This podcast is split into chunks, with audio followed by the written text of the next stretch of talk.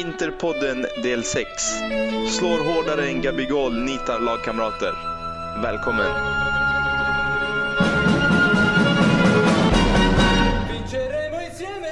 Välkommen till Interpodden del 6. Med mig idag har jag den eh, eminente Mourinho Neven Ozegovic. Välkommen Neven! tack, tack, tack. Fan, det är alltid stora ord att leva upp till. Men, men alltid lika trevligt. Ja, men vad kul, vad kul. Att köra eh, denna duetten med dig. Ja precis, det skulle jag komma in på nu. Vi kör en duett i, idag, jag och Neven. Jag är då Binan, eh, om man inte känner igen min röst och mina olika dialekter som har formats i Sverige. eh, vi tänkte egentligen, eh, eller vi, vi, diskuterade om vi skulle köra ett, ett avsnitt där vi diskuterar Benevento-matchen eller om vi skulle vänta till eh, derby-specialen som vi har eh, pratat om att göra. Men eh, vi valde ändå att köra en podd, eh, en liten duett mellan mig och Neven här eh, och hoppas att folk uppskattar det. Och, eh, det var ganska spontant och vi har fått väldigt bra lyssnarfrågor direkt så det, det, känns skitkul. Och sen så på söndag kommer vi köra en derby special och då kommer vi bara diskutera ja, men derbyt och, och, allt vad det innebär, vilket vi ser fram emot. Så vi kommer skippa och prata om derbyt idag, eh, så mycket vi kan. Vi får se, vi kanske glider in på det lite smått. Mm. Eller vad tror du Neven? Ja, det blir nog oundvikligt eh, att glida ja. in på det. Men vi ska försöka. Ja, absolut. Skitbra. Jag tänkte så här, Eh, vi kan direkt hoppa in på matchen mot Benevento eftersom att den är ganska färsk i minnet och eh, jag har mycket att säga till om och det tror jag du också har gällande den matchen. Eh, och jag hoppas att vi kommer diskutera kring den på ett sätt som folk uppskattar. Mm. Först och främst kan vi börja med, vad hade du tippat i tipsligan på Inter Sverige? Jag, jag trodde att vi skulle ta denna matchen ganska enkelt. 3-0 trodde jag på. Mm. Det såg ju bra ut ett tag men sen, ja, likt, lite likt de andra matcherna så, så tappar vi. Mm. Men men, tre poäng, alltid tre poäng. Ja, precis. Eh, jag hade lagt 2-0 som resultat eh, och jag, jag tvekade lite där för jag vet inte, jag ville lägga att vi skulle släppa in ett mål men samtidigt tänkte jag Alltså herregud. Kan vi inte liksom hålla nollan mot Benevento när vi ändå har haft alltså, riktigt, riktigt bra försvar hela säsongen? Ja, Serie A's bästa försvar. Men uh, ja, det, det, det, vet vi nu att uh, det kan vi inte. Nej, och det är väl, eh, det är väl lite som du säger att det är snöpligt och, och släppa in ett mål mot Benevento för att känns som att vi bjöd ju på det målet och, och även de småchanserna som de skapade var väl att vi var oförsiktiga och, och bjöd dem på det, så det är lite synd. Ja, och det kan vi faktiskt ta direkt där att vi bjöd ju dem definitivt på målet. För att eh, målet kommer ju till genom eh, att Vesino passar, ja, men passar rakt till en Benevento-försvarare. Jag, jag, tycker inte man kan kalla det att han bröt bollen utan Vesino passar en Benevento-spelare och så, så kontrar de in ett mål. Uh, och man kan ju liksom säga att ja, men deras småchanser, eller, eller jag tror vi har väldigt olika syn på det. Jag tycker att de hade jättemånga chanser och uh, verkligen spelade bra mot oss. Uh, och sen kan man liksom börja ifrågasätta, spelade de bra eller spelade vi dåligt? Vad, vad, vad tycker du? Eh, alltså jag är lite orolig över att vi har sett så slöa ut. Jag vet inte om någon annan har tänkt på det men det känns som vi är otroligt uh, uh, slöa efter, framförallt i andra halvlek. Vi startar oftast matcherna rivstartar dem och, och sen kommer vi i något lunkande tempo som, jag vet inte, jag är lite orolig över det. Men det kan ju också ha att göra med träningen som man har då periodiserat över ett helt år och kanske tänker sig att ja, ja, men framåt, framåt våren ska vi lägga till en växel till för att ha det i kropparna. Uh, jag vet ju inte alls. Jag, jag vet inte alls. Spallettis, liksom, att, att det skulle vara Spallettis taktik eller hur menar du? Jag får den känslan, ja. Absolut. Eh, känns som att många tunga ben på många spelare eh, i slutet på matcherna. Mm. Um, För det är ju någonting han har klagat på. Ja. Så att eh, han har ju varit ute och klagat på det så att eh, jag vet inte riktigt. Eh, jag vill ha en stor match och kunna bedöma det helt, vilket kommer nu passande mot Milan. Eh, framförallt att vi kan liksom ta tag i matchen och visa eh, de sakerna som han vill att hans lag ska visa. Han vill ju ha mycket possession, han vill ju ha mycket rörlighet och eh, tycker inte vi visar det överhuvudtaget.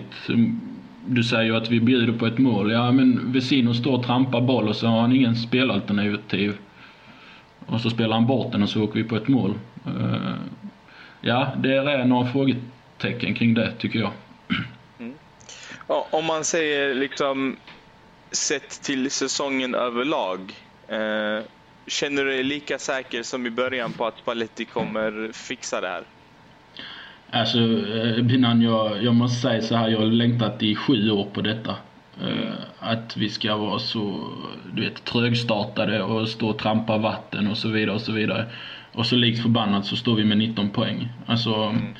det, jag har längtat så otroligt länge på det. Att eh, man plockar poängen trots att spelet inte ser så bra ut. Det tycker jag är eh, en av de största eh, signalerna på att ett lag börjar bli ett storlag igen. Så att eh, jag är otroligt nöjd med säsongen hittills. Mm.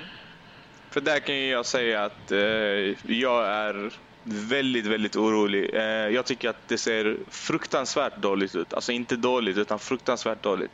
Och det, det jag tycker är det absolut... Alltså, min stora oro kommer framförallt efter säsongen som Mancini hade, vad var det, 2016 eller 2000, alltså inte alls länge sedan. Eh, när vi startar säsongen på ett liknande sätt, det går väldigt bra, vi vinner, eh, vi plockar poäng fastän det ser dåligt ut det kritiseras men eh, man väljer ändå vifta bort kritiken eh, och eh, ja, vi tog ju i alla fall poäng och så vidare. Det känns exakt likadant nu för min del. Eh, och sen så blir det det här, alltså man kan spela dålig fotboll och få med sig poäng eftersom att bollen är rund en, en del matcher men över en säsong så kommer vi inte lyckas med det. Mm. Och därför så känns det för mig som att ja, men vi är exakt där igen, eller det påminner väldigt mycket om det. Eh, jag ser ingen förbättring från första matchen till den här sjunde matchen. Nu är sju matcher för mig fortfarande ganska lite, så jag tycker fortfarande att man kan inte säga går det, går det fram eller går det bak eller liksom är vi bra eller är vi dåliga. Men eh, jag tycker inte att det ser bra ut rent, rent, eh, ja, men rent subjektivt. Jag tycker att det ser dåligt, lojt ut. Jag tycker att vi lever helt och hållet på individuella prestationer. Mm. Eh, jag kan säga med handen på hjärtat att vi, kommer, eh, vi hade inte vunnit mot Benevento om inte Brozovic hade startat. Och nu snackar vi om en spelare som inte brukar starta. Vad, vad tror du om det? Hade vi vunnit den matchen? Alltså, jag både håller med och inte håller med i, i, i vissa grejer.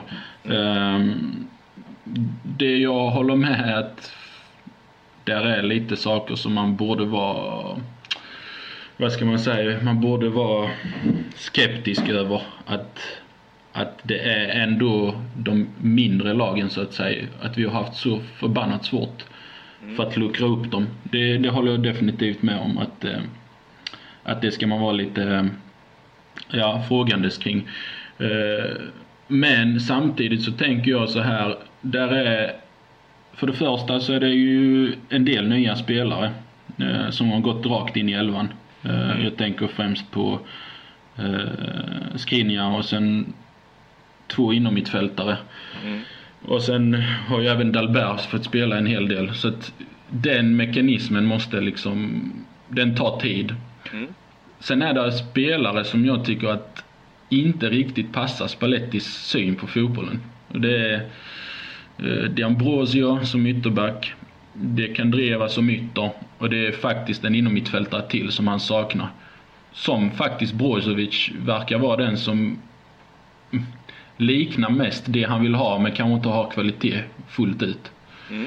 Så där är massa sådana grejer som um, gör att det här tar tid innan det ska sitta. Därmed så tycker jag ändå det är mycket positivt att vi har plockat poängen. Mm. Jag tycker ju till exempel det liknar mycket Mancini som du säger. Mm.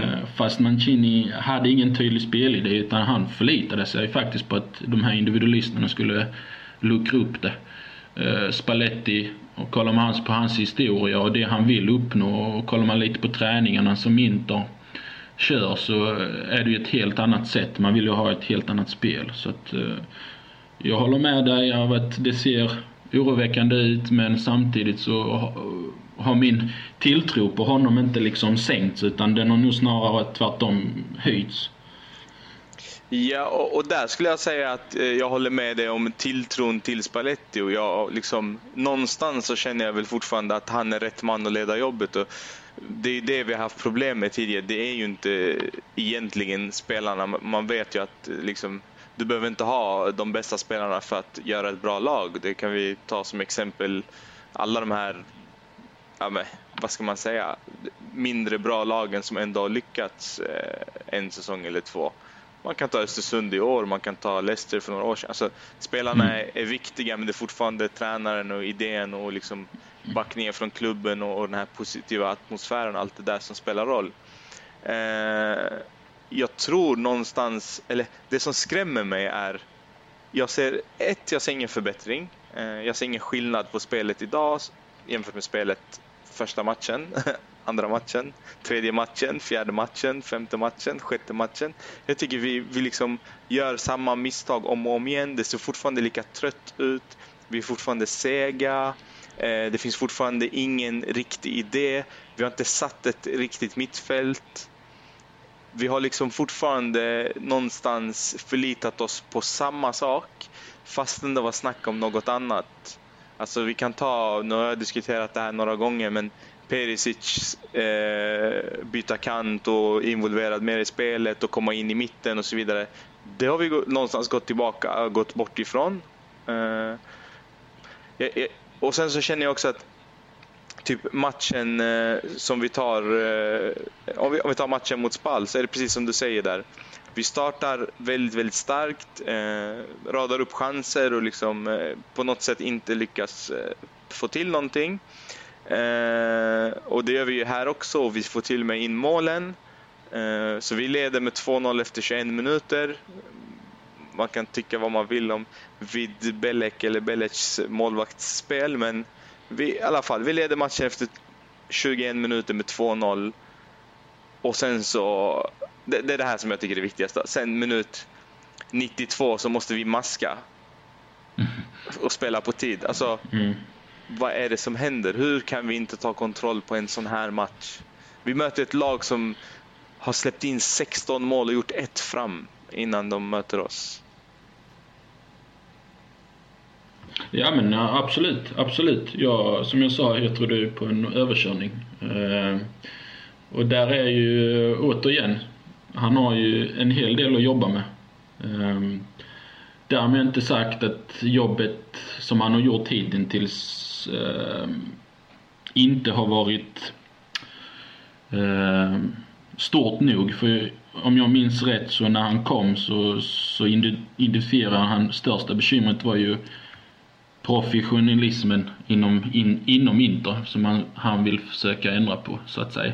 Mm. Uh, och det sa ju Dian Brosi också i någon um, intervju att uh, ja, Spalletti har ju liksom verkligen fått oss att inse att ska man vara här i detta, detta laget och denna klubben så gäller det att man liksom visar att, att man vill det också. Tycker lite någonstans på de försäljningarna visar också vad det är för spelare som har fått gå. Liksom Banega och Jovetic. Alltså, eh, inga riktiga spelare som kanske är beredda att, att ge det här för laget utan um, lite individualistiska i sig, i sitt sätt att vara och spela. Och jag tycker ändå någonstans att man har börjat med det. Jag menar, tre insläppta mål på sju matcher tyder ju ändå på någonstans att okej, okay, vi ska liksom hitta grunden, vi ska hitta, hitta liksom det här trygga i oss själva och att vi ska jobba för varandra. Uh, tycker en sån som Kandreva ändå någonstans Även om han blandar och ger men uh, lägger ändå ner en, ett stort jobb. Uh, Miranda tycker jag också på hans sätt att se ut har ju växt otroligt mycket. Sen har ju Skriniar hjälpt honom. Mm. Eh, Brozovic också. De här gester, gesterna som han kan ha för, för sig under en hel match har ju liksom eh, minskat och ja men eh, jag tycker ändå någonstans att det här lagbygget börjar liksom mm, komma någonstans. Så att, men spelet som du säger det är, det är ju inte bra. Vi ska ju bara köra över Benevento. Mm. Men jag tänker så här, vi kan göra så här, eh, i och med att vi bara ska diskutera den här matchen och så tänker jag att vi kan djupdyka på eh, ett par spelare. Eh, mm. och jag har valt ut några här på förhand. Eh, de vi, vi går in på tänkte jag är Brozovic, eh, Kandreva, Icardi och eh, vem var det mer jag hade planerat? Där var det de tre? Ja, det kanske det var. Men det är väl de tre liksom som, som jag tycker diskussioner. Vi kan hoppa in på screeningar också lite snabbt. Men jag tänker att vi börjar med eh, Brozo eller om han nu är tillbaka till Epic Brozo som eh, det står i Corriere della Sport. Eller mm. della Sera kanske den heter tidningen. Eh, där diskuterar man att eh, äntligen har Spalletti hittat sin eh, sin trekvartista som han har sökt. Han har varit i truppen hela tiden och suttit på bänken. Vad tror du om det Neven? Eh, jag tror nog det är den spelaren som liknar mest i sina egenskaper och kvaliteter det Spalletti söker efter. Mm. 1-0 ehm, målet är ju ett tydligt exempel på det. Eh, spelar ut, följer, följer hela anfallet. Eh, tror någonstans också att inlägget ska komma, så dyker han upp där och noppar in den. Är ju väldigt tveksam om, om Jean Mario hade lyckats med det om han hade varit i samma position. Eh, och det, det, det är ju också en, en eh, Alltså som jag kan se i alla fall de senaste matcherna. För det har varit mycket snack om att Joao Mario kan inte skjuta. Det tror jag att alla kan skriva under på. Eh, men att han själv har insett att han inte kan skjuta till den graden att han inte vågar skjuta längre. Mm. Det känner han, jag är oro, oroväckande. Ja, men sen Jean Mario är inte benägen heller att söka sig till de här, eh, alltså sniffa sig fram till de här lägena Nej, alltså andra, det, det andra boll i straffområdet och inlägg och så vidare och så vidare. Utan han, han jag är kan, trygg. Jag, jag kan i alla fall komma ihåg minst fyra situationer på de här två senaste matcherna, eller tre senaste matcherna kanske det blir, där han har haft läge att skjuta och han väljer att inte skjuta. Han väljer att mm. passa och passningen blir oftast eh, ja, den blir inte som, som tänkt för att alla förväntar sig att han ska skjuta där. Eh, och det, det är för mig väldigt oroväckande för att om du inte ens vågar, hur ska du lära dig det här? Och mm. fokuserar liksom Fokuserar man på uh, hans, alltså förstärka hans uh, svagheter på träningarna eller inte? Det känns som att man inte gör det om han inte ens vågar göra det under match. Mm. Det är en sak som hade varit jätteintressant att och faktiskt fråga Spalletti hur han tänker sig där. Ska han satsa på honom? Det, det, det, där tycker jag vi kan eh, också gå tillbaka till, till en tidigare mm, intervju där eh, Spalletti säger rakt ut då att eh, den mittfältaren jag har i truppen som jag kan få flest mål ifrån vet jag är Brozovic. Mm. Du vet, han, han har vetat det här och upptäckt det tidigare och ändå så har han inte spelat honom. Och när du ändå är inne på diskussionen om eh, vilka spelare som fick vara kvar och vilka som fick lämna Eh, så var det mycket snack om att Brozovic skulle lämna och så vidare. Varför han inte lämnade vet man ju inte riktigt om det var så att det är ingen som budade tillräckligt bra för honom eller om eh, Inter inte kunde hitta en ersättare i tid och därför inte släppte honom. För att kollar man på attityd, eh, alltså utan att vi ska säga att vi är experter och har varit inne i klubben och vet hur det går till på dagarna och så vidare, så ser ju han inte ut som en spelare med rätt attityd. Det tror jag att alla kan skriva under på. Eller? Ja, det är man nog beredd att hålla med om. Ja, och även, eh, du sa ju här tidigare att han eh, har lugnat ner sig med gestikuleringar. Så jag vet inte fan alltså. Jag tyckte jag såg det även den här matchen. Men det var typ vi som lugnade ner oss som fans som accepterade för att han hade gjort två mål. Jag tyckte han fortsatte med det hela matchen. Och någonstans kan jag ändå förstå det. Alltså, det kan ju vara positivt på något sätt. Han kan ju få fram bättre, liksom, att, att han sätter press på sina medspelare på ett positivt sätt. Men mm. eh, jag vet inte alltså. Det... Men, men jag, jag, tycker ändå han kompenserar det lite. Det, jag kan störa mig otroligt mycket på sånt, absolut. Men Sen kollar man på spel utan, alltså när vi är försvarare allihopa så är han mm. fan ta mig den som springer mest ändå. Yeah. Och det upp i press, bollen spelas över och då kommer, går han ner och täcker yta. Och sen är det upp i press och täcka yta. Alltså, han, han gör ett otroligt jobb, det gör han faktiskt. Och det är ju svårt att, eh, att liksom som tränare och inte liksom uppskatta det. Eh, det jobbet han gör. Alltså jag, jag kan bara hålla med dig. Nu är inte Brozovic en av mina favoritspelare så, men eh, om man kollar statistik så ja, varje liksom, paus när han har spelat så står det, då, då dominerar han ju. Han har ju sprungit mest. Eh, jag kan säga så här, han tog rekord den här matchen också. Han skapade åtta chanser i matchen, vilket är mm. ett rekord i Serie A i år. Alltså ja, det... Yes, så att Alltså det, det, det, är därför jag säger att vi hade inte vunnit matchen utan Brozovic. Eh, det är för mig oroväckande. Nej, och det är det jag menar med när 1-0 målet kommer. Jag ser ju inte någon av våra andra mittfältare dyka upp där. Nej, det är ju ehm. Kandreva som står inlägget med, mm. ja, med andra foten och eh, mm. från fel sida i boxen. Så jag vet inte om han kanske ska vara där lite mer. Men eh, ja, sen är försvaret riktigt uselt och yeah. eh, Alltså den ska inte gå in, förlåt mig, men jag, jag tycker att det, att det är för billigt. Men det är Benevento vi möter. Det är sådana mål vi ska göra mot Benevento och det är därför vi ska vinna den matchen med 4, 5, 6-0. De ska aldrig få andas i matchen, de ska aldrig känna att det finns en chans att göra mål i matchen, precis som när de möter till exempel Napoli. Men eh, nej, här säger de att eh, det finns all chans i världen att till och med vinna matchen, fastän det står 2-0.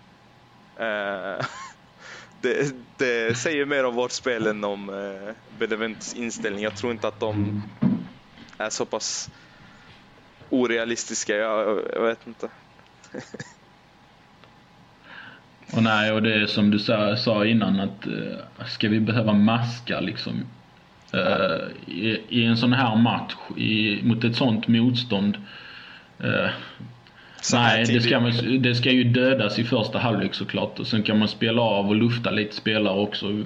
Vi är ju lite sugna på att se andra spelare. Yeah. Uh, Karamos ser ju jätteintressant ut. Pinamonti uh, måste få minuter och så vidare och så vidare. Så att, uh, ja, jag vet inte. Det är liksom... Men nu, kom, nu kommer en stor match så att uh, jag tror att ett lag som för spelet emellanåt mot oss passar oss mycket bättre. Jag satt och tänkte mot Benevento, snälla, snälla spela bort bollen så vi kan kontra. Jag menar, det är ju guldläge för en sån som Kandreva och Perisic att, eh, att spela det spelet. Så att eh, vi har inte haft riktigt läge för det heller. Vi hade det mot Roma, vi hade det mot Fiorentina. Mm. Och det blev ju som det blev. Så att eh, jag tror nog att eh, i lite större matcher mot lite bättre motstånd som tenderar att hålla i bollen och försöka flytta fram positionerna så kommer vi kunna skada dem mycket mer. Det kommer bli mycket roligare att titta på. Eh, jag har den känslan också. Mm. Ja, det, det, hoppas jag absolut och jag är rädd för att alltså, de kommande matcherna är inte matcher man kan eh, har råd att göra de här misstagen vi gör och, och, och spela så pass sakta och spela så pass fel. För att alltså, vi har inte spelat rätt, vi spelar bollen fel. Vi, vi släpper in mål på våra situationer som vi dummar oss på. Eh, alltså sånt har man inte råd med i, i Serie A. Det är inte om man vill ha en topplacering och liksom spela Champions League nästa år. Men vi, kan ta, vi kan ta faktiskt, eh, när vi ändå diskuterar, eh, alltså vi, vi ska möta Benevento. Eh, man ställer upp med eh, Nagatomo istället för Dalbert. Vad tycker du om det? Alltså, så här i efterhand så gör han ju en bra match, Nagatomo, tycker jag. Ehm, men... Ehm, jag han är ju nära att ställa till det några gånger i matchen i alla fall. Han gör ju en Nagatomo no någon gång då och då. Och jag fick så lite ont i magen för att jag brukar ju försvara Nagatomo. Jag tycker att han, eh, äh, han är inte så mycket sämre än Dalbert. Jag tycker att de är lika dåliga om jag ska vara helt ärlig. Men, eh, jag tyckte att här höll han på ändå att få mig att äta upp mina ord några gånger i matchen. ja, och då, det säger ju ändå en hel del om Nagatomo att om, om det är bara några gånger han ställer till det så fick jag i alla fall en känslan av att hans prestation hade höjts. Så att, alltså det, det är helt ofattbart att han ens, att han ens finns där. Men okej, nu får vi leva med det. Men hur ehm, resonerar eh, Spalletti liksom? Varför startar han honom? Vad finns, finns det någon logisk förklaring eller är det att han vill eh, typ, eh, vad ska man säga, eh, att han vill rotera? Vill han skapa en konkurrenssituation mot Albert? Vad är, vad är tanken liksom? Jag tror främst... Vet han själv inte vem som är bättre än... Alltså, jag tror först, först och främst så är det nog rotationsgrejen. Eh, grej, grejen. Eh, nummer två tror jag nog att man vill nog inte skynda på Dalbert allt för mycket. Ehm, även om jag, man kan tycka att Benevento är ett, ett lag som han ska spela mot och ett perfekt tillfälle att, att matchas in i Inter. Men eh, sakta men säkert eh, kan han nog ställas eh, och få fler matcher. Sen tycker jag faktiskt att Dalbert är förvånansvärt nog, eh, han är bättre defensivt. Ja, alltså det, är det, det jag också tycker, att man har hört så mycket om att han, är, att han ska vara bra, så bra offensivt men eh, lite sämre defensivt och eh, det ser ju tvärtom ut i matcherna. Ja, och jag för mig ni diskuterade senast också att det är jag väldigt förvånad över att man har en bild av att en spelare ska vara eh, bättre på någonting än vad han är. Och mm. Fördomen av en brasiliansk ytterback också spelar ju, eh, kommer ju in. Mm. Men eh, jag vet inte, jag känner mig lugn och trygg med honom defensivt. Sen mm. kan han fladdra lite här och var offensivt.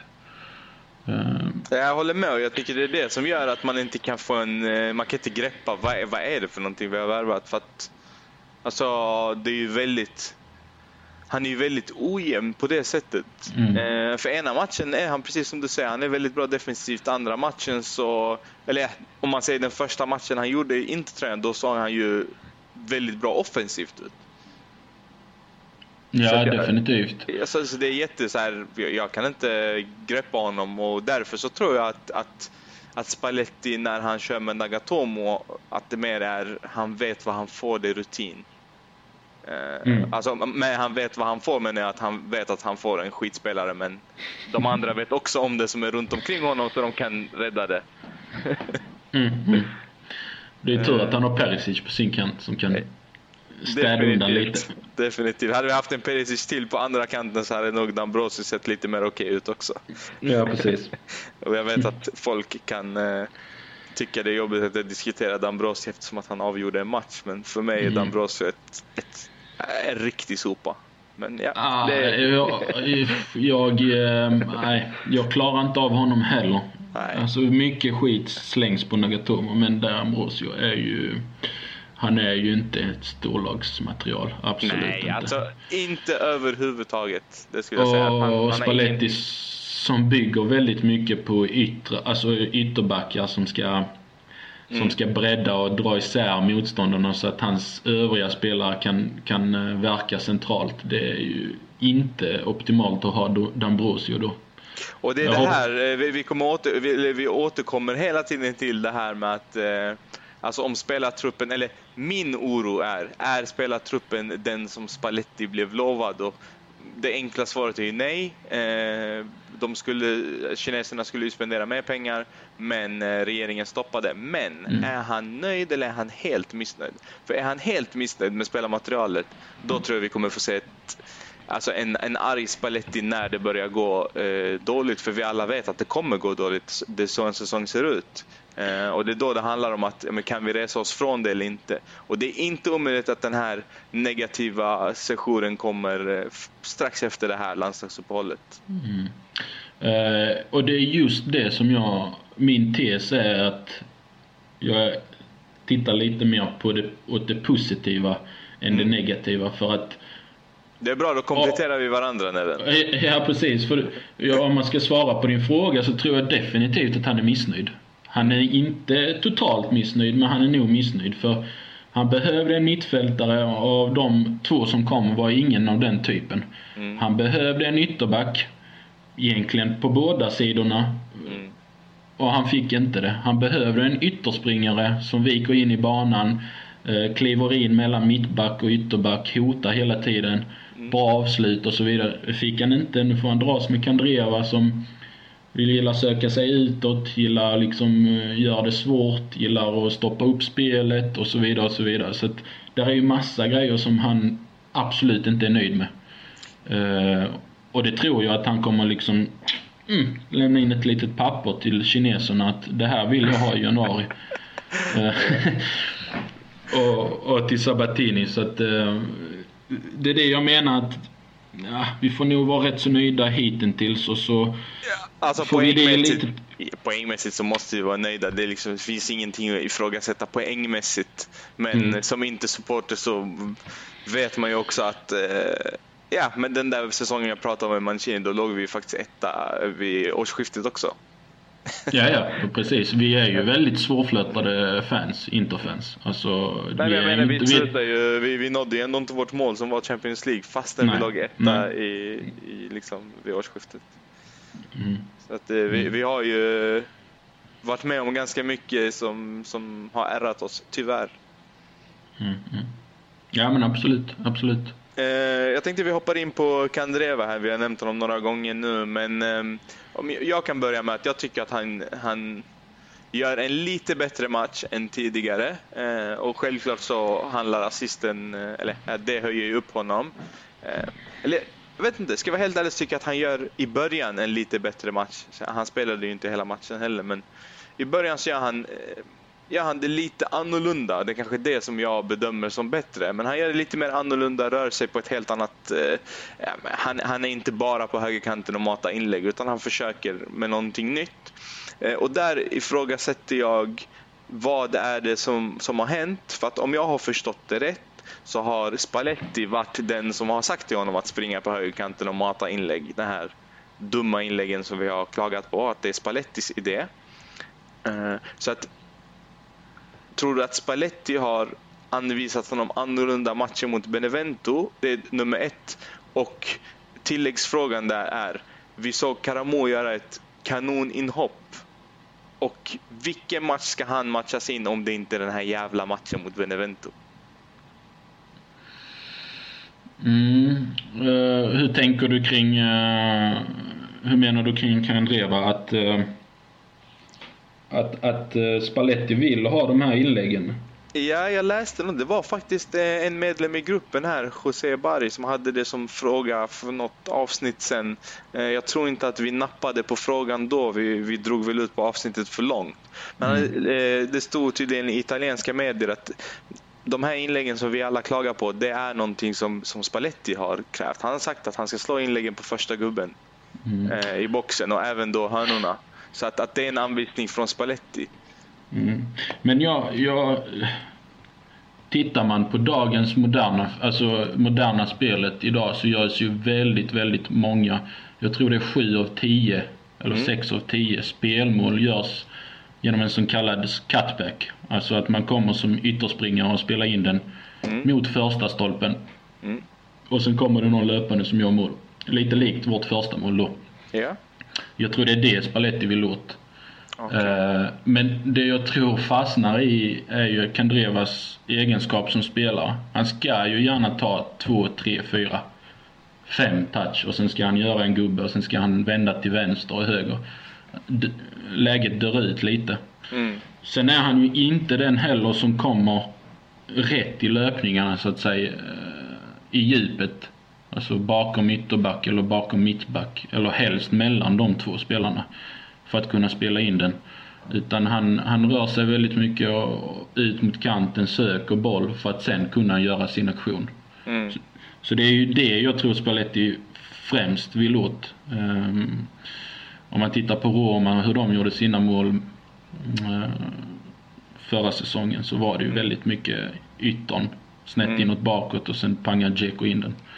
Ehm, Och, det, och där har vi ju, det har vi ju diskuterat tidigare, men där har vi ju ett stort liksom hål i, i, eh, ja, men, att våra spelare inte kommer på andra bollen och det finns ingen mm. som pangar in bollen. Så, så då, då har vi ju egentligen två problem om vi leker att vi är Spalletti. Vi har egentligen ingen spelare som passar det här eh, ytteranfallaren eller ytterspringaren. För Kandreva är ju inte den typen. Utan han behöver någon som...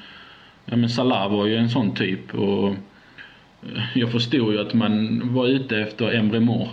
Mm. Även om det kanske är tvivelaktig kvalitet på den spelaren. Så där har vi det problemet. Sen problem nummer två är att vem, som, vem ska avsluta de här cutbacksen? Jo, det är ju Cardi, men det måste ju vara någon mer än honom. Därav har man jagat en viss typ av mittfältare som man inte har fått. Så att eh, det är det som jag tänker kring eh, mest kring att får han de här spelarna så, så kan det se riktigt vasst ut. Eh, för att Kandreva ser jag inte långvarig i, i Spallettis lag. Så det är väl det just, det är nog det han har menat mest med att han vill ha ändå inläggen, insticken, de här cutbacksen. Mm. Uh, men att just spelaren i sig inte har uh, Den kvaliteten? Kunnat, nej precis, inte kunnat leverera det. Sen är ju, tycker jag att Karamo såg intressant ut. det kanske är någonting att bygga på. Och märker Spalletti att det här, nu börjar den här killen ta för sig och komma in i, in i spelet. Och är den spelaren som passar hans idé så kan vi nog se en, mer av honom. Det tror jag definitivt. Tycker du det är fegt av Spalletti att inte starta med Karamo eller ens byta in honom eh, när han visar ett så pass piggt inhopp? Ja, både jag Hur hade du resonerat? Du är ju lilla Mourinho här. Jag hade nog resonerat likt Spalletti att eh, vi ska försöka knyta ihop denna säcken. Eh, och eh, skapa ett grund och, ett, och plocka så mycket poäng som möjligt. Och en erfaren, ung spelare från Frankrike som fladdrar till i, i tio minuter på hemmaplan som är upphaussad och adrenalinet sprutar.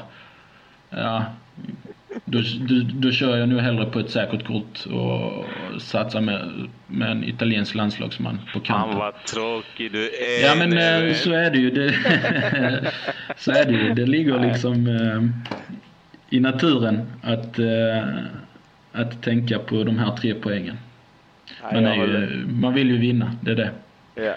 Nej, jag förstår absolut vad du menar. Eh, sen säger jag väl också lite jag tyckte det han visade var så fint och jag hade velat se mer av honom. Han hade kunnat få ett inhopp bara för sakens skull, men vi gör ju matchen eh, onormalt intressant så att jag förstår ju absolut att han inte kommer in när vi håller på att tappa matchen. För det är vad jag tycker att vi gjorde. Därmed så blev jag intresserad och jag fick en helt annan känsla av honom än Gabigol. Alltså Gabigol känns ju mer som en jävla... Ja men det, du vet, man slänger in en... Uh, lite cirkusaktigt och så ska någon liksom trixa med boll. Här var det ju liksom... Tu, tu, kon alltså, konkreta man... aktioner hela tiden. Utan, det, väl, alltså, det här går inte ens att diskutera. Alltså, det är väl, jag nej, jag vet ju att du är liksom... Uh, nej, det är väl hater number one. Nej, inte hater, utan han där kan inte spela fotboll. Det, det är inte svårare än så. Alltså, nej, men...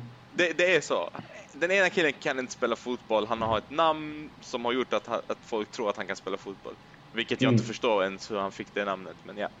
Det är en helt ja, han får väl börja på boxning nu. Ja, precis. Eh, för er som har missat så hamnar ju han i bråk inför matchen med en lagkamrat så han har inte ens suttit på bänken den senaste, eller de senaste matcherna.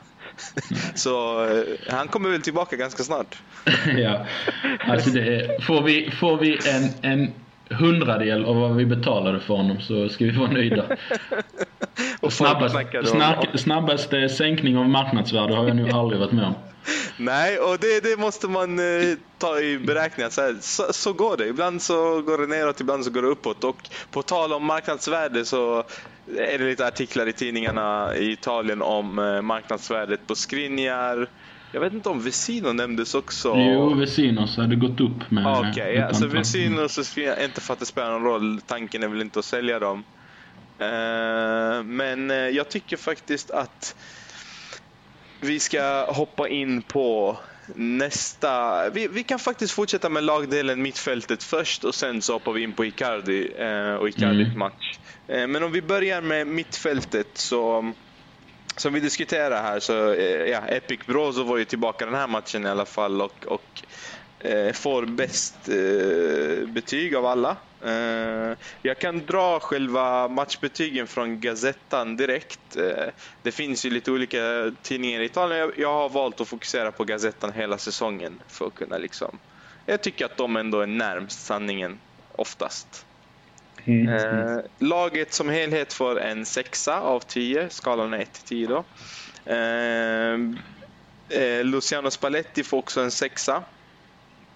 Sen har vi Handanovic på en sexa. Eh, Skriniar får en sjua. Dambrosio, det är bara att säga till om du känner att vi behöver stanna vid någon. Eh, Dambrosio får en femma. Miranda 5,5. Nagatomo 5,5, Vesino 5,5, Borja Valero 5,5, Kandreva får en sexa, Joao Mario får en sexa, Perisic får 5,5, Icardi får en sexa och Il Migliore Marcelo Brozovic får en åtta. Är det någon som du tycker eh, inte alls stämmer med verkligheten eller förstår du betygssättningen någorlunda? Jag tycker nog att den ändå Ja men den, den stämmer rätt så bra. Jag tänkte på sjua på Skriniar. Hans, mm. eh, hans skuldertackling måste ha höjt honom ett, en pinne i alla fall. Ja, för han gör ju först ett misstag, eller misstag och misstag. Han hinner ju inte med. Eh, mm. Vad heter deras ytter som var otrolig den matchen? Da, han heter mm. typ D'Ambrosio också eller något sånt där. Nej, det var något sånt. Vi säger Di Francesco, det kanske, det kanske prickar rätt. 50% chans. ja. Nej, för där håller han ju på att göra ett misstag i början, men sen så lär han ju sig hur eh, jag menar att han, den här spelaren då, jag ska försöka få ta på namnet här, eh, att han är snabbare än honom och därför så eh, nästa gång så använder han sin hjärna och använder då, han vet ju att han är starkare än honom så att han ger honom en hockeytackling. Vilket är helt rätt. Han flög. Han flög. Marco D'Alessandro hette han. Ja. Ja. Men eh, nej, jag tycker han var sjua. Alltså sjua är ett jättebra betyg och jag tycker han var jättebra. Han mm. Eh, känns så... Jag vet inte. Han känns så självklar på något sätt. Precis som han har spelat där i ja, fem år med Miranda och de är liksom sånt betong mittbackspar. Men det är väl också, eller ändå anmärkningsvärt att Miranda får 5,5 under samma match? Ja, det är i och för sig um, Uh, ja. Alltså hela, hela backlinjen får femmor om man säger så. Dambrosio 5, Miranda 5,5, Nagatomo 5,5. Skriniar stick, sticker ut med en sjua. Eh, men det, är... men det är hela, hela backlinjen, det är alltså ett stort misstag som leder till ett mål. Benevento mm. gör ju aldrig mål. Så jag förstår sänkningen. Mm. Bollhållare eh, som kommer i fart. Eh, den första stöter på honom, de andra kollar på bollhållaren, ingen tittar eh, bakom mm. sig. Eh, och så ett sånt litet instick lurar tre man, fyra nästan om man tänker på den löpande mittfältaren också. Ja, och alltså det, det, ska ju, det ska ju inte bara hända. Så tänker man Miranda, du som är så rutinerad, borde i alla fall vara lite vaksam på vad som kommer bakom. Mm. Men nej, han, han liksom bara stirrade blint på på bollhållaren som sticker in den bakom dem. Så jag förstår sänkningen där och den... Eh, ja. ja, de gör ju fler sådana misstag i matchen. Det är ju alltså...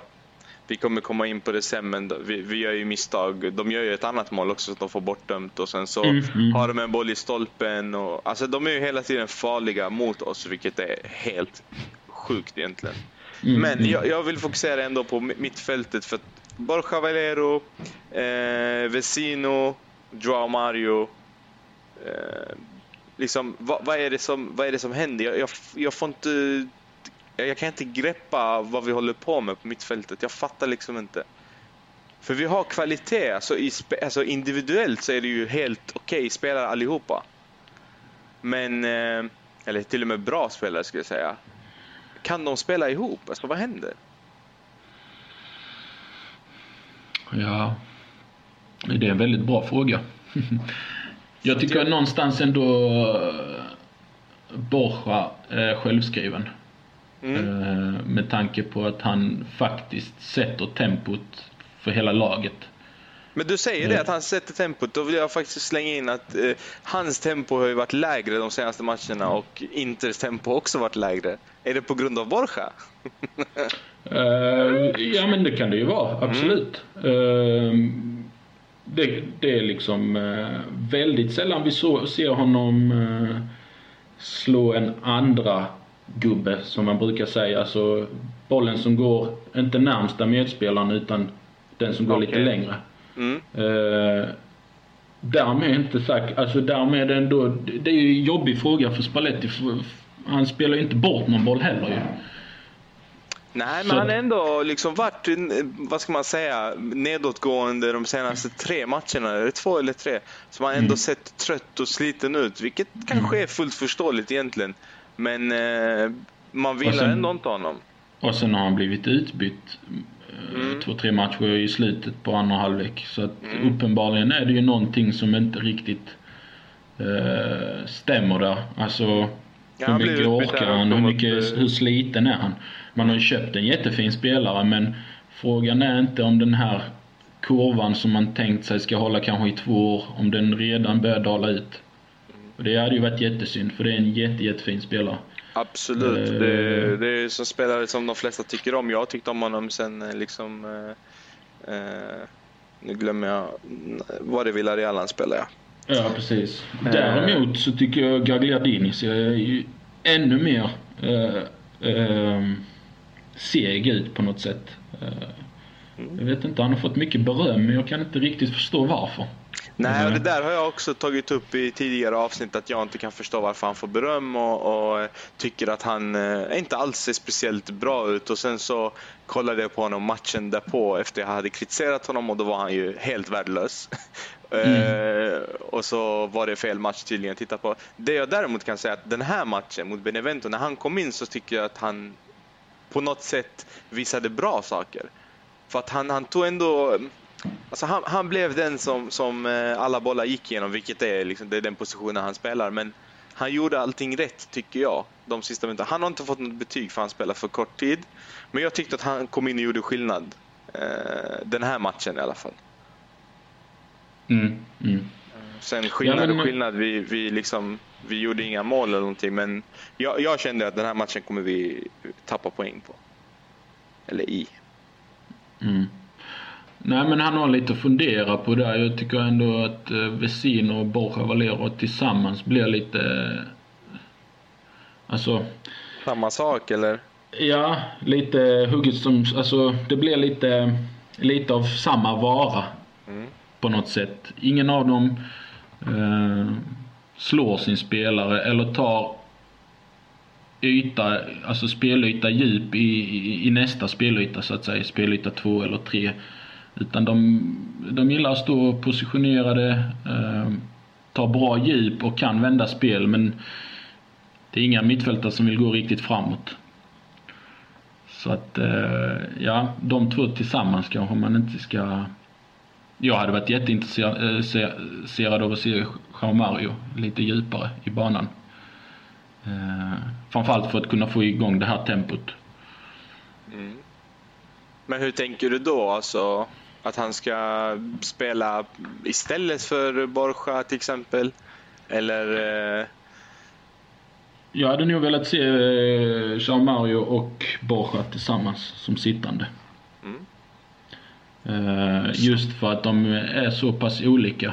Och skulle man då eh, hamna lite mot ett, mot ett lag som gillar att sitta ner så vill man ju ha eh, spelare som kan slå sin gubbe. Mm. Slå ut positionerna så att det blir två mot ett läge eller så vidare och så vidare på mitten. Mm. Det såg vi ju faktiskt med Charmario nu när han hoppade in också. Att han, är ju, han glider ju förbi spelarna på sånt smidigt sätt. Ja, och det där är ju också så intressant egentligen. Jag vet att vi har nämnt det tidigare också, men varför är Joao Mario bättre eh, när han hoppar in än när han startar? Och eh, Jakob Planell hade en, en eh, han är också fotbollsspelare, och han hade en teori som säger att det handlar om att när man kommer in, eller kan vara så att när man kommer in Eh, som offensiv spelare så är de flesta lite tröttare och, lite, och han kommer in liksom med pigga ben. Kan få mycket mer yta att jobba på offensivt. Eh, och därför så ser han mycket, mycket liksom piggare och bättre ut och, och hittar bättre ytor och gör mer som inhoppare än som startspelare. Så det tyckte jag var en väldigt intressant tanke. Mm, klart intressant. Och han kanske är just den spelartypen som det passar väldigt mycket när det öppnas upp och han har de här ytorna och alltså springa in på, eller till och med springa med boll. Ehm, mm. För han, han glider ju fram. Han har så fint steg på något sätt. Både med boll och utan boll. Jag tycker en viktig sak där är att ta upp en sak till då. Vi vet alla att, att själva liksom, mentaliteten i laget och ehm, vad ska man säga, själva välmåendet och ehm, jag har tappat bort ordet men att man känner liksom en, en, en harmoni i truppen. Mm. Eh, jag, jag, eh, är lite orolig. Om, om, vi tar Joao Mario som exempel, tror du att han är nöjd? Alltså om, om vi bortser från hans egna spel bara, är han nöjd med situationen i Inter? Jag tror nog inte det. Nej. Jag tror nog att han är i det stadiet i sin karriär att han ska vara självskriven på ett ja. mittfält i något lag. Eh, dels eh, på det sättet, han, han är ju rätt så komplett ändå. Men framförallt har ett EM i bagaget, ett EM-guld. Eh, där han det var inte så att han flöt med och vann ett EM-guld utan han var faktiskt en av de bidragande mm. eh, spelarna till att de tog det. Sen kom han till ett turbulent Inter ett år. Trots det så presterade han ju rätt så bra förra året. Mm. Han var ju en av våra bättre spelare. Så jag tror inte att han är nöjd. Nej, och det, jag delar din uppfattning och det är det som skrämmer mig ytterligare. Nu mm. känns det som att hela vårt avsnitt handlar om hur rädd jag är för att det här inte håller. Mm. Eh, men det är rätt, för det är så jag känner. Jag är livrädd. Men... Jag orkar inte uppgången och sen den här hårda nedgången för att det är exakt så jag känner just nu. Att, att typ jag vill inte ta ut någonting eh, i förskott. Jag känner inte att vi spelar bra. Jag känner att vi får med oss poäng. Och Jag ska skilja på de här två sakerna för det finns två sätt. Det finns bra lag som spelar dåligt och får med sig poäng. Och Då skulle jag räkna till exempel Juventus eh, som ett, ett sånt lag. Även om de gör en dålig match så kommer de åka hem med, med tre poäng i bagaget. Förutom den här matchen mot Atalanta då. Men normalt sett så dammar de av vilket motstånd som helst, även sina sämsta dagar. Jag känner inte att det är likadant för oss. Jag känner att så som vi har fått poängen med oss så har det mer varit att vi ja, men dels har spelat mindre bra eh, och haft tur. Så att, mm. Eh, det, det, det, det är den här kombinationen som skrämmer mig mest ifall någon undrar varför jag låter så pass negativ. Och jag låter ändå lite positiv för att jag mm. tänker mig att uh, vi har en vinter och nästa sommar på oss där vi ska få se hur de här ägarna agerar ihop med sportchefen som mm. kanske är en av Italiens bästa. Um, om vi tar bara Jean Mario som ett exempel mm. så är han ju köpt på rekommendation av en agent som egentligen inte har en aning om han ska passa in i vårt spel överhuvudtaget. Och så kommer en tränare, två tränare och tredje tränaren nu som han kanske inte riktigt passar in i spelet. Mm. Det är bara en sak. Sen har vi Kandreva ytterligare som också köptes och uppenbarligen så passar han ju inte i det här mm. Inter heller. Så att kan man räta ut de här frågetecken till utropstecken eh, hur klubben vill gå framåt så, så kan det bli väldigt, väldigt positivt. Därför så tycker jag att 19 poäng av 21 möjliga i det här eh, inte riktigt satta laget är mycket väl godkänt. Mm. Ja, men det, det, kan jag absolut skriva under på. Visst är det så att eh, samma agent, det var väl Kia Jurabcan, visst var det mm. han som eh, skeppade Gabigol till oss också? Ja, ja. så bara en sån grej. Vi kanske kunde lagt de 30 miljonerna på en, på en eh, bra ytterback som hade, som hade hjälpt oss i, i nuläget. Istället så sitter ju Gabigol och ruttnar bänk i Benfica Kommer aldrig komma tillbaks. Och så Inte ens vi med, bänk. Nej, inte ens bänk precis. Och, och så dras vi med D'Ambrosio. Det är det jag menar. Kan man räta ut de här frågetecken så att man kan liksom mm, börja sätta grej, grej efter grej efter grej. Ja men då, då kan det nog bli bra. Det är det Juve har gjort i hur många år som helst. De sätter liksom de här grejerna. Eh, vi har inte ens börjat sätta. Jo, vi har börjat sätta Skriniar. Det har vi satt. Sen, sen vet jag inte riktigt mer om det är någonting som är satt. Uh, därav så tycker jag att det är väldigt, väldigt bra att vi har tagit de här poängen. Uh, Nej, det, det, det kan jag bara hålla med om. Jag tänker att vi hoppar in på Icardi nu. eh, Och där vill jag börja med min, Mm. min, eh, din älskling. eh, min älskling. Mitt eh, liv höll jag på att säga. Mm. Det här avsnittet hoppas jag att min tjej inte lyssnar på. Icardi är ju en av mina favoritspelare eh, och jag älskar honom och jag tycker verkligen om hans spelsätt. Eh, jag känner inte igen honom. Jag vet inte vad han sysslar med om jag ska vara helt ärlig. Eh, jag försöker förstå och matchen mot Benevento så gör han två, tre situationer eh, gör han Icardi. Alltså han gör verkligen så som han brukar göra. Eh, men kanske åtta eller nio situationer är han en annan spelare. Jag vet inte vad han sysslar med. Och tre eller fyra solklara Icardi-lägen gör han bort sig på. Eh, och jag tycker att han förtjänar den kritiken för att vi vet vad han är kapabel till och vad han har gjort tidigare och vilka lägen, alltså vi känner han så pass bra att vi vet vilka lägen som är Icardi-lägen och vilka som inte är. Eh, Och jag har lite teorier om det här. Bra, Det- får vi se om vi har samma. Ja, det är intressant att se faktiskt. Eh, dels så, så tycker jag att det här med att han försöker involvera sig mer i spelet. Jag förstår det och jag vill det liksom mer än någon annan. Men det verkar som att han inte kan ta in någon ny kunskap just nu. Och det är det här som är min teori då. Jag tror att han har problem eh, när det kommer till landslagsspelet. Mm, Och mm. det finns två saker. Det ena då att ja, men, tröttheten och sånt som jag har tagit upp tidigare. Det är inte logiskt att du är borta i Sydamerika till två dagar innan match. Liksom. Och speciellt när vi spelade då en 12.30 match. Han hade precis landat eh, i huvudet eh, i princip. Alltså nu reser de väldigt komfortabelt och så vidare. Kanske inte lika hur jobbigt att ställa om för att de sover på flyget. Men det är fortfarande en resa till ett helt annat liksom, klimat, en annan, eh, eh en annan världsdel. Det är en lång resa. Det är, eh, ja, om de nu spelade i Uruguay och Argentina sist. Jag tror att det tillsammans med att det går väldigt, väldigt dåligt för Argentina eh, i VM-kvalet och att han någonstans eh, är den som har petat Iguain och eh, liksom inte har fått den här chansen på riktigt tidigare. Tar den nu. Jag tror att hans hjärna är där. Eh, och Mm. mitt i allt det här så, så kommer det här med frisyren upp som ingen fattar. Först blonderar han sig, dagen efter rakar han av håret inför matchen.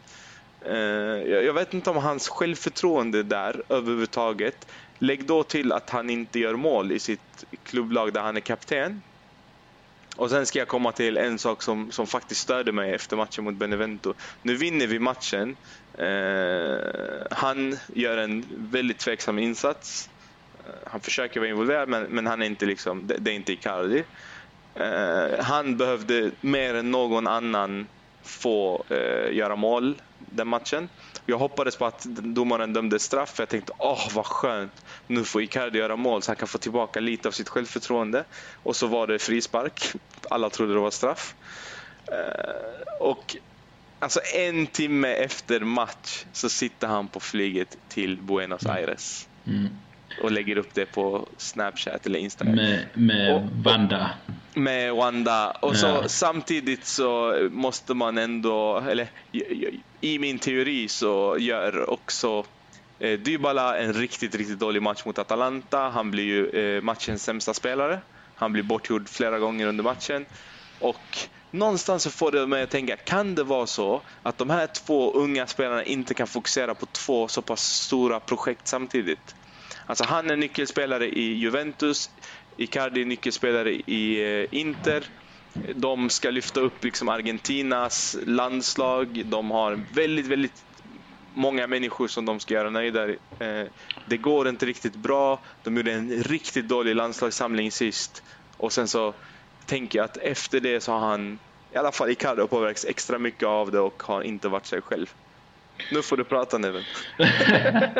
Efter allt det här. Du har ju tagit liksom ordet. Jag har, jag har inget mer inflika. Nej, men... nej men tror du, att, tror du att min teori, att det finns någonting Helt... i det? Skulle det kunna ja, vara? Är, nej, för en gångs skull ska vi hålla med. Åh oh, fan. Vi ska hålla, vi ska hålla sams. nej men jag, jag håller med fullständigt. Alltså Argentina som fotbollsland är på väg att missa ett VM-slutspel. Och då har vi Icardi och eh, Dybala då också som du nämner ska vara lite symboler för det här nya Argentina. Och så kanske man inte kvalar in. Alltså det är ju en tung börda att bära. Um, och så har, så har vi den här lilla eh, tjockisen Maradona som eh, slänger ur sig. Exakt, och den galningen, den galningen får ju med sig en massa folk också. Så att ja. det är ju inte lätt. Jag, jag tänker så här. Uh, går Icardi uh, vinnande ur det här, så som han alltid brukar göra när det är press på honom, då är han på riktigt.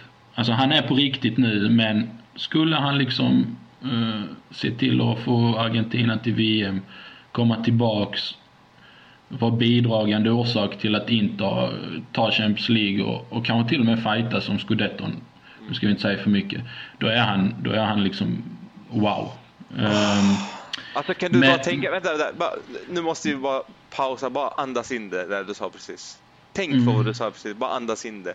Mm. Alltså jag ser bilderna i huvudet. Alltså, och vet du vad det är för bilder jag ser? Jag ser min glädje. Alltså snälla Gud, kan du låta detta hända? Ja, och, och, och Maradona koksar ner sig i, ett, i en mörk källare av ångest. nej, men, nej men alltså de här två matcherna som Argentina har nu, de är väldigt, väldigt viktiga för Icardis säsong.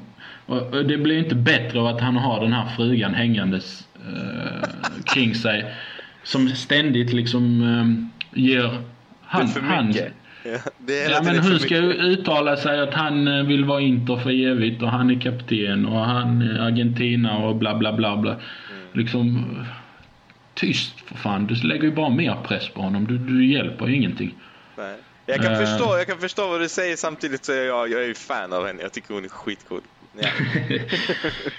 ja, jag fick panik när jag såg hennes video från VIP-rummet i... Åh, oh, vad jag tyckte den var tung. tycker hon är den var bra redigerad men den var ju... Nej, jag får kalla kåren när jag ser henne. Nej, jag, jag gillar henne. Jag gör men, men eh, det sagt så är helt rätt inne på det. Alltså det började ju förra landslagssamlingen. Eh, gick tungt och alltså vilken, vilken säsongstart han hade. Det liksom bara pangades in mål här och var. Och sen var det här Argentina. Och veta att man ska åka till den här ångesten. Eh, komma redan trött och sen är det ångest i matcherna och sen åka hem och veta att ja, men, ångesten väntar på mig om en månad till. Mm. Den är inte lätt, men jag, eh, han, har, han har bevisat i sin karriär att han är den som det inte rör på så mycket. Så att jag tror faktiskt att går han vinnande ur detta så är det, då är det liksom bara eh, glida i nedförsbacke. Tror jag faktiskt. Så det, det ska bli intressant att följa. Det är det enda intressanta att följa nu i denna landslagssamling. Ja precis, så vi hoppas på Argentina nu. Vi hoppas på att det är Icardi som skickar dem till VM och att det, liksom, den här nedåtgående trenden för Icardi ska vända här och nu. Han ska mm, behöva mm. fokusera på Inter igen. Och jag känner någonstans, jag är ju som sagt då eh, sociala medier-killen när det kommer till att hålla koll på våra spelare. eh, har mycket att säga till om och tycka till om det. Och, och jag, jag, kan tycka att den senaste tiden så är hans fokus Argentina och inte Inter. Mm. Så att... Eh... Ja, men bara om han får veta att Argentina är klara för VM, han har någonting att se fram emot. Hans första VM-slutspel under sommaren. Mm. Alltså, han kommer ju explodera, tror jag, för oss. En vis man eh, vid namn Danny Salo sa avskaffa landslagsspelet. Det räcker. ja.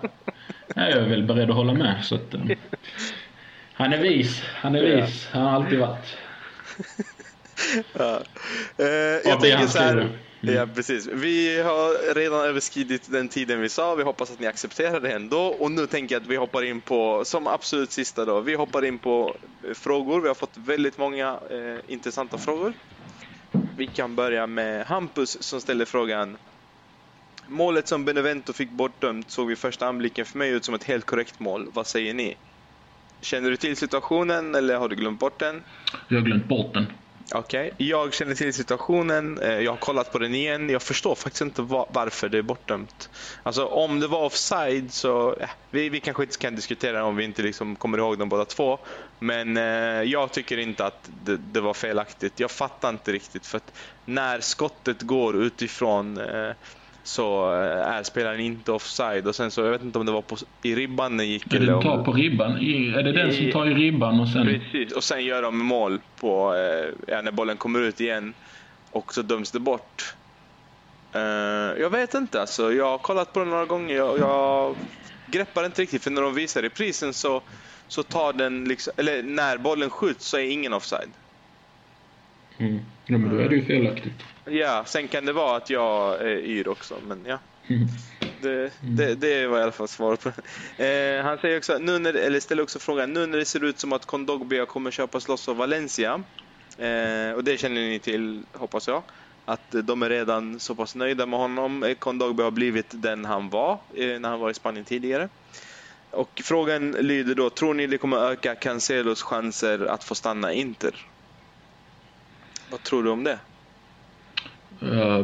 Jag vet inte hur de två skulle slå ut, alltså om den ena har med den andra att göra. Men jag ber ju till gud att Cancelo är någonting att ha. Uh, för det är ju den typen av spelare vi behöver, som vi nämnde innan. Mm. Uh, sen jäkla oflyt att han skadade sig. Ja, och han ska ju faktiskt vara tillbaka till derbyt om jag har förstått det rätt. Mm, mm. Men eh, alltså visar han sig att vara den spelaren som Spalletti ändå bygger en hel del på sina ytterbackar så, så finns det väl en bra möjlighet att han stannar. Mm. Jag tror nog vi blir av med Kondogbia ändå. Ja, alltså han blir, han blir vi av med liksom. Det, de är färdiga, alltså det är kanske inte officiellt än men det är ganska tydligt att de, de ska ha honom. Han, han har ju levererat ja. exakt, de vill köpa loss honom redan nu. Finns det en köpoption satt redan? Yes, absolut. Och den vill de redan... Jag vet inte om de har utnyttjat den redan, men de vill utnyttja den nu i alla fall. Och då får vi ändå vara nöjda av att, vad var det, 25 va? 25 tror jag den handlar på, ja. ja. Det är ändå... Men det är väl okej? Okay. Ja, fast... Det är en jättestor förlustaffär. Nej, eh, men det här kommer vara en sån eh, som eh, Interisti kommer klaga på sedan när han säljs för, jag tror de, har skri- de ville skriva in i hans nya avtal eh, en klausul på 100 miljoner euro och ja, det kommer väl bli så att han säljs för 100 euro, miljoner euro sen och då har inte gjort fel som alla tycker då att vi gör i alla situationer. Ja, ja. Men jag Men tycker det... är helt korrekt eftersom att han inte har levererat Inter, mm, punkt mm. slut. Mm.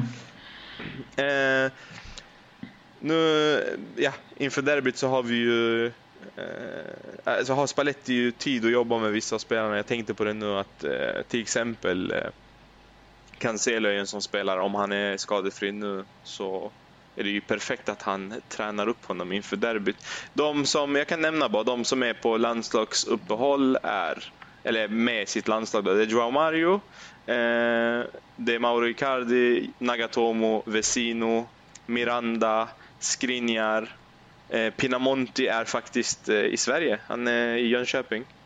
mm. Och eh, Candreva, D'Ambrosio och Eder för Italien. Eh, även eh, Daniel Rossi skadade sig så att Gagliardini fick också hoppa in där. Så vi har ganska många och sen så har vi Perisic och Brozovic som har gjort riktigt, riktigt bra insatser i ja, nu på senare tid i Inter så att de kommer definitivt få spela för Kroatien. Eh, vilket också innebär att vi öppnar upp för möjliga skador. Vi får hoppas att det inte blir så. Nu hoppar vi till nästa fråga. Georgios Ioannidis, jag vet inte om jag uttalar rätt, men jag hoppas det. Eh, har lite frågor här. 1. Joao Marius vara eller icke vara Inter? Vad säger du på den? Och, eh, ja, vi har berört. Ja, ja, vi har berört det mesta och tilläggsfrågan är eh, om ja, vart ska han spela för att vi ska få ut max av honom? Där tror jag att du har redan sagt då att eh, du, du, skulle vilja se honom eh, lite djupare i banan tillsammans med Valero. Mm, mm. Jag skulle säga så här, min, min, min åsikt, alltså hans vara eller icke vara kan bara svara ja. Jag vill ha kvar honom. Jag tycker om Joao Mario väldigt mycket. Jag tycker bara att eh, vi behöver fokusera på få upp hans självförtroende när det kommer till skott. För jag är helt övertygad om att en fotbollsspelare inte kan vara så dålig på att skjuta. Alltså jag, jag får inte in det i mitt huvud.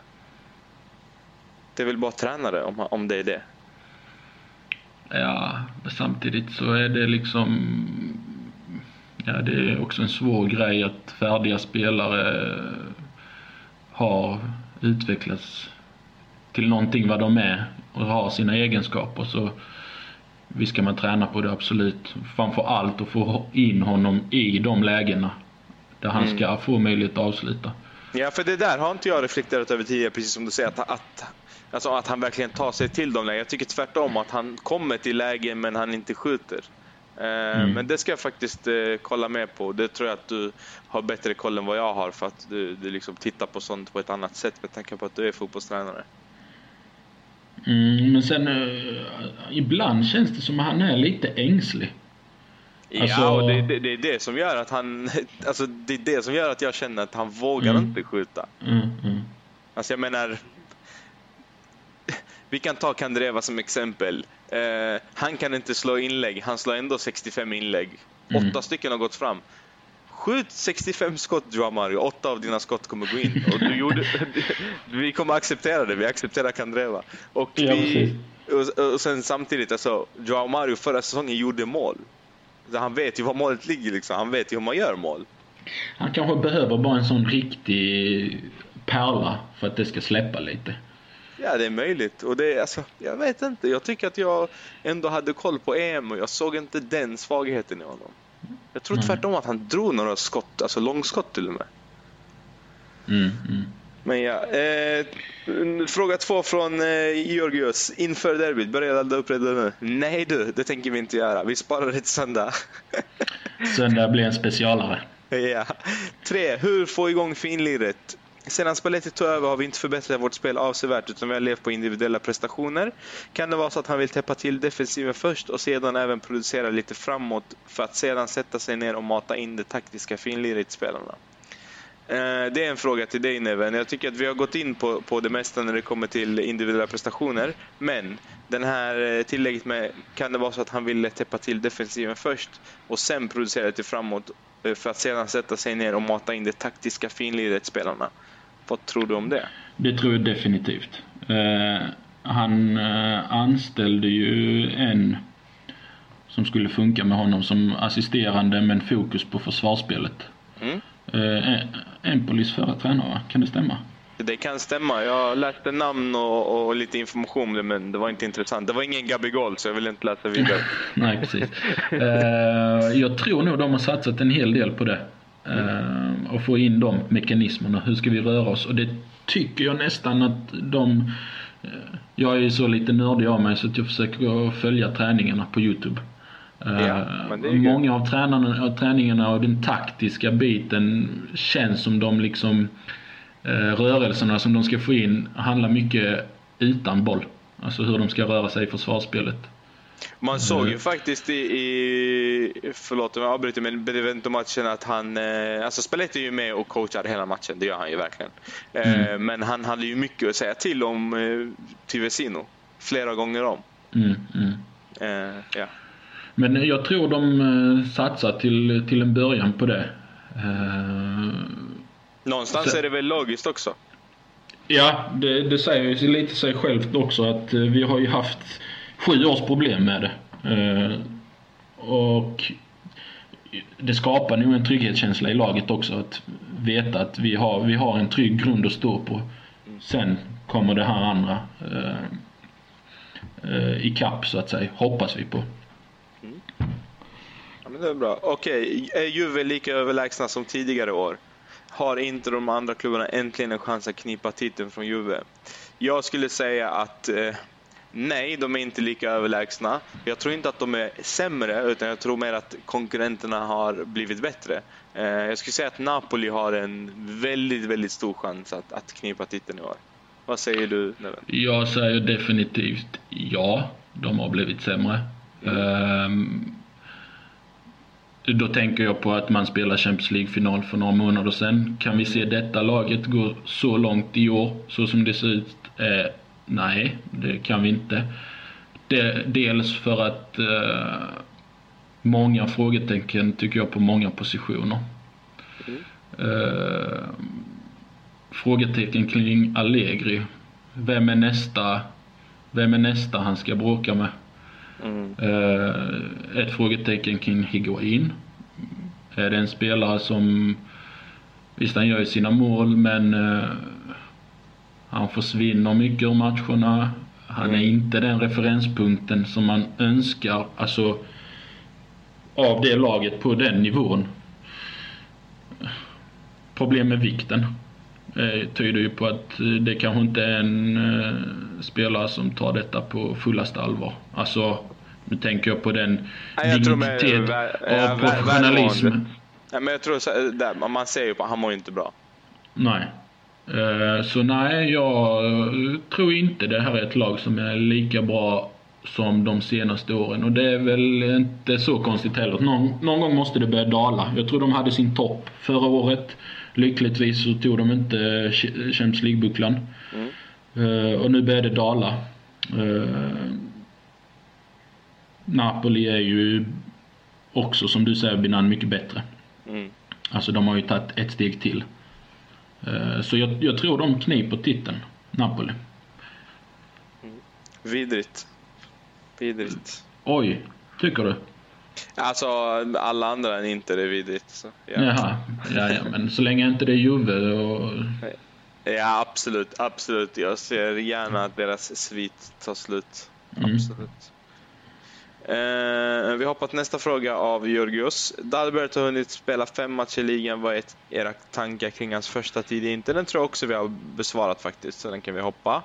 Mm. Eh, förutom mittbackar, vad för spelare hade ni mer välkomnat med öppna armar under januarifönstret? Har vi också eh, tagit upp då. Ytter mm. Eh, och eh, bättre mittfältare som, som passar in Spallettis spel.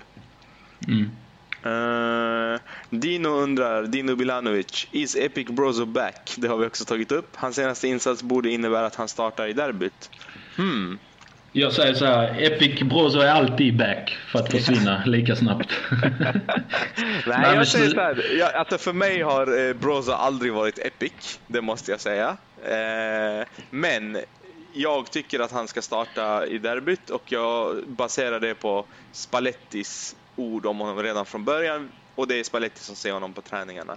Eh, jag tror att Brozovic är den som passar in i hans spel bäst och det fick vi om inte annat se prov på mot Benevento. Mm. Eh, jag, jag instämmer. Ja, perfekt. Inget mer att lägga till. Nej, bra. Rickard Martin Almqvist. Özils vara eller icke vara. Är det mest snack eller möjlig värvning i januari? Vad tror ni om honom i så fall? Du kan börja. Jag vet vad jag tycker. alltså, ett, jag tror inte det är en möjlig värvning för... Återigen, det är ju ingen spelare som passar in i, i uh, Spalletti-Sabatini-duon. Så på det sättet, nej. Skulle du fråga mig själv så absolut inte. Det är en av, det är en av uh, spelarna som jag har väldigt, väldigt svårt för. Alltså jag, får... alltså jag, jag, håller med dig till 300% eh, om både och. Det är inte en realistisk värvning. En sån spelare eh, går efter pengar och sig själv. Han bryr sig mm. inte om det står Inter eller om det står eh, Hapoel Bercheva så länge han kan få mycket pengar. Eh, så att det är inte en möjlig värvning. Eh, och eh, håller med dig där. Det är, alltså, det är en spelare som jag tyckte om 2008-2009 under U21 EM jag har äcklats av honom mer och mer för varje år och för varje sak han gör. Så att, eh, nej tack. Ja. No, no thanks. Eh, Bengt slänger in en liten Göteborgs eh, vits. Att vara eller inte vara med fokus på var då. Tekniken. video assistance referee. Vad, vad säger du? Jag har sagt vad jag tycker eller tidigare avsnitt. Det ja, jag var med också i, ja, okay. för ett avsnitt för länge sedan. Och yeah. Länge sedan låter som det några år sedan. Nej men Nej, ta bort det. Alltså jag, jag, får, jag får panik. Jag, jag, jag får verkligen panik. Ja, jag ska säga så här. Eh, vi båda var ju eh, against it då. Mm. Eh, jag är mer och mer för det. Ah. Alltså, jag, jag, vet inte. Alltså kan man, kan man eh, få till att, att det inte blir ett stopp i matchen och att det går snabbt och smidigt fuck it, kör! Ja, men jag, jag, jag, jag har, alltså, om man, börjar, om man börjar se tecken på att det börjar förfinas och det börjar mm. liksom mm. eh, Mekanismen börjar liksom sitta och det, liksom, det har varit en inkörningsperiod och så vidare. Men jag tycker nästan snarare tvärtom. Det, det, det blir liksom blir sämre och sämre. Och, och liksom... Alltså vi klagade på tiden i början men nu så såg man ju Juventus match mot Atalanta. Alltså ja, men... med video assistant referee alla i hela världen säger att det inte är straff. Varför blir det straff? Och sen tycker jag en sån grej. Vad, vad kommer att hända nu när vi går mot våren när det, de här viktiga matcherna börjar liksom komma? Toppmöten, säg toppmöte om ligatiteln. Alltså då kommer man ju börja titta på nästan varenda beslut. Känns det som. Alltså så som det är nu. Att liksom man ska in och pilla på varenda grej. Jag hoppas inte vi går dit, men det känns ju som att det här börjar bli liksom eh, lite, lite parodi på det. Okej, vi säger så här. Vi ger en procentsats. Hur många procent tycker du att VAR ska finnas? Alltså om man säger så här, hur många procent är du för VAR? Fem.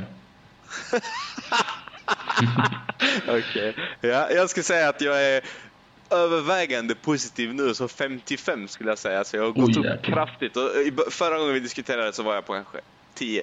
Så att, eh, ja, och då, det, vände, då satt, det vände snabbt. Då satt jag ändå och tänkte här nu, jag kan ju inte säga 5, det är för mycket. Men... Okay. Äh, mm. Hook against VAR. ja. ja, då hoppar vi till nästa. Christian Issue säger, eller ställer frågan då, är Handanovic så dålig som Sia säger? Sia Falahi då. Eh, han mm. såg ju, Handanovic har sågat honom sedan dag ett. Eh, han fixar inte, eh, han fixar inte hans eh, Dels hans eh, rensning, eller vad man ska säga, hans, hans returer. Han lämnar ju ofta returer, Handanovic. Eh, och sen så hans ansiktsuttryck och hans eh, kroppsspråk som att han aldrig är nöjd och inte vill vara där han är. mm. eh, vad tycker du om Handanovic? Det är väl en kompetent målvakt för den situationen vi är just nu i. Men det är ingen målvakt som eh, tar oss två, tre, fyra nivåer.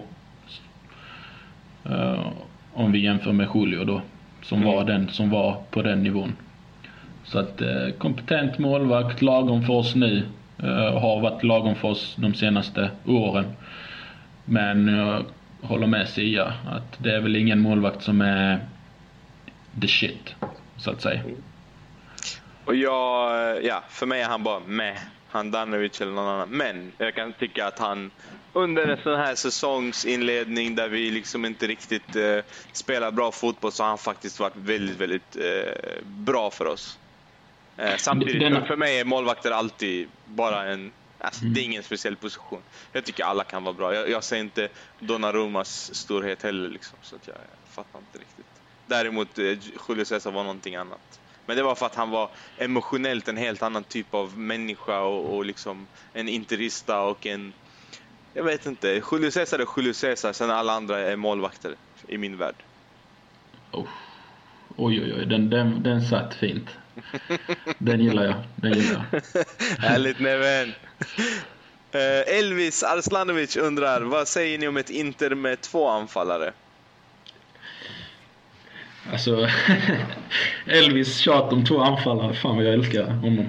Och det, det, eh. det värsta är att vi vet att han menar Jovetic. ja, precis. Köp tillbaka Jovetic, in med honom. Nej men... Äh, alltså, man har ju gått ifrån det och spela med två anfallare. Äh, speciellt Spalletti som är sån tydlig enanfallares tränare. Så jag, jag vet inte vad jag ska säga. Jag, jag, kan aldrig se det hända så därför är ju Så nej, jag kan inte se Inter spela. Okej, ska Eder starta nästa match? Yasser Alabas ställer frågan, borde Eder få en startplats i vår elva? Nej, Nej. det tycker jag inte. Jag ser inte en, vilken plats det skulle vara på i så fall. Nej. Och Alltså, jag tycker det- att det- han gör sig bättre att komma in. Ja, jag kan hålla med om det. Samtidigt så känner jag att har vi en, en anfallare som... Om, om vi nu säger att det går andra hållet. Eh, de, de, eh, har de möjlighet att missa VM redan nu under det här uppehållet? Det tror jag. Argentina. Mm, mm. Ja, vi säger att de missar och eh, Icardi gör två plattmatcher. Ska han spela eller ska han bänkas i förmån av en taggad Eder? Lek med tanken. Nej. Nej, okej. Jag skulle säga så här. Eh, normalt sett hade jag sagt nej. Eh, alltså det... Nej, jag säger nej ändå faktiskt. Jag, jag, Ja. vill, jag vill leka med tanken att, att jag accepterar att Eder skulle starta för att jag tror att han skulle göra bättre. Men man riskerar samtidigt då att en som har lågt självförtroende får ännu lägre självförtroende och han kanske försvinner istället. Precis. Eh, Så det, det, är en, det är en hårfin eh, eh, balans där som, som jag tror att Spalletti kan eh, hantera bättre än oss. Mm. Med det sagt så har vi ju en tunn trupp både bakåt och framåt. Absolut. Så absolut. det är ju de positionerna utöver uh, Spallettis positioner så att säga inom situationstecken som man behöver titta på. Ja, det har du helt rätt. Det, det glömde jag till och med att ta upp.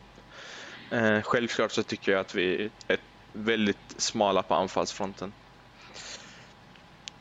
Eh, Saman ställer inte en fråga utan han ska laget beställa upp med en annan uppställning som kommer vara mer effektiv. Eh, och så har han skrivit inom parentes, jag har några i tankarna. Saman borde vara med i ett avsnitt, jag har glömt kalla på honom. Jag jag- jag ska bjuda in honom i vår poddgrupp så får han eh, medverka i något avsnitt längre fram Just. så kan han få dela med sig av sin uppställning. Mm. Eh, jag tycker att vi har dragit ut på tiden såklart, men det har varit väldigt, väldigt kul. Duetten blev rolig tycker jag och jag hoppas verkligen att alla uppskattar den. Ja, det var jättetrevligt att få prata med dig en sån här eftermiddag. Tack så mycket Neven för din medverkan och tack för dina kloka analyser och ditt eh, eh, roliga eh, ja, men ditt roliga snack helt enkelt. Tack själv. Det har varit... Eh, fan, det får vi göra om. Absolut. Vi hörs då. Ha det så jättebra. Samma, Tack, ha det bra tack alla. alla lyssnare. Tack, tack. Hej. Hej, ciao.